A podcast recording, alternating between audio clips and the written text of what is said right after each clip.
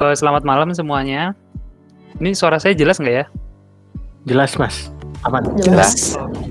Ya, perkenalkan, saya uh, Cesar Alfa Irawan, bisa dipanggil Alfa atau Cesar. Jadi sekarang saya salah satu Big Data Consultant di IBM.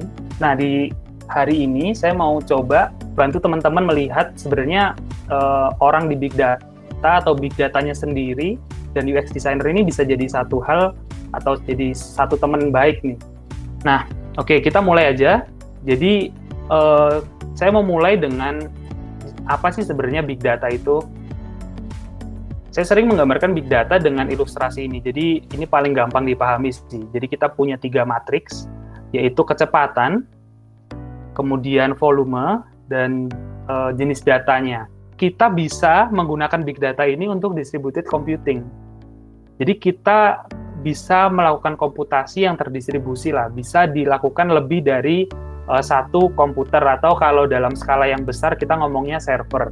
Jadi kapasitas yang pertama dari big data yang bikin powerful itu adalah distributed dan parallel computingnya. Jadi sebenarnya apa sih yang bisa big data bantu untuk mengunlock atau ya mem membuka potensi yang ya UX designer punya. Kalau kita lihat big data, dia itu bisa provide insight ya karena tadi kita lebih fleksibel ngolah data dan juga mindahin data yang artinya ya kita bisa lebih cepat juga mencari suatu informasi atau insight dari data-data yang kita punya. Kemudian big data ini juga dia membantu tadi kan akses berbagai macam bentuk data.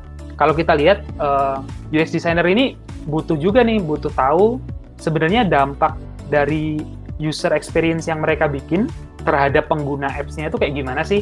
Atau bahkan UX designer juga butuh untuk memahami usernya sebelum mereka mendesain kan. Ini saya bikin dummy dashboard uh, dengan data-data yang saya bikin juga secara dummy. Nah, kalau dilihat dari dashboard ini, ini cukup simpel sih sebenarnya. Jadi yang paling kiri atas itu mapping mapping uh, pengguna.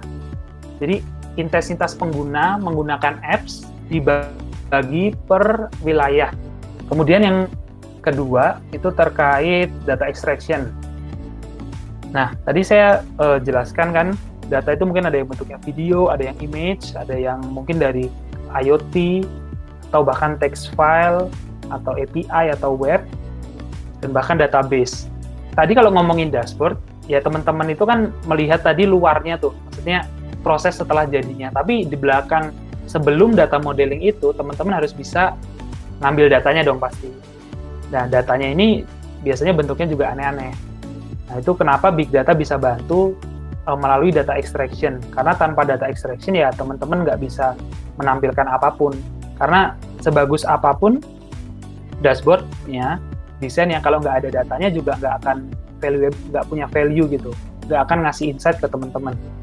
Nah ini uh, kalau teman-teman juga mau belajar bisa sih mungkin uh, ngobrol ke UX Indonesia untuk ya provide uh, online course atau course terkait ini. Di sini ada data warehouse juga. Jadi data warehouse ini gampangannya kalau data lake tuh benar-benar teman-teman uh, datanya bisa apa pun lah. Kalau data warehouse ini spesifik dia uh, untuk table. Jadi bentuknya udah table bisa di query, bisa uh, bisa diambil pakai SQL kalau teman-teman yang udah familiar dengan data, SQL itu salah satu bahasa pemrograman untuk mengakses data. Nah, ini saya kasih contoh data model yang biasanya udah ditaruh di data warehouse.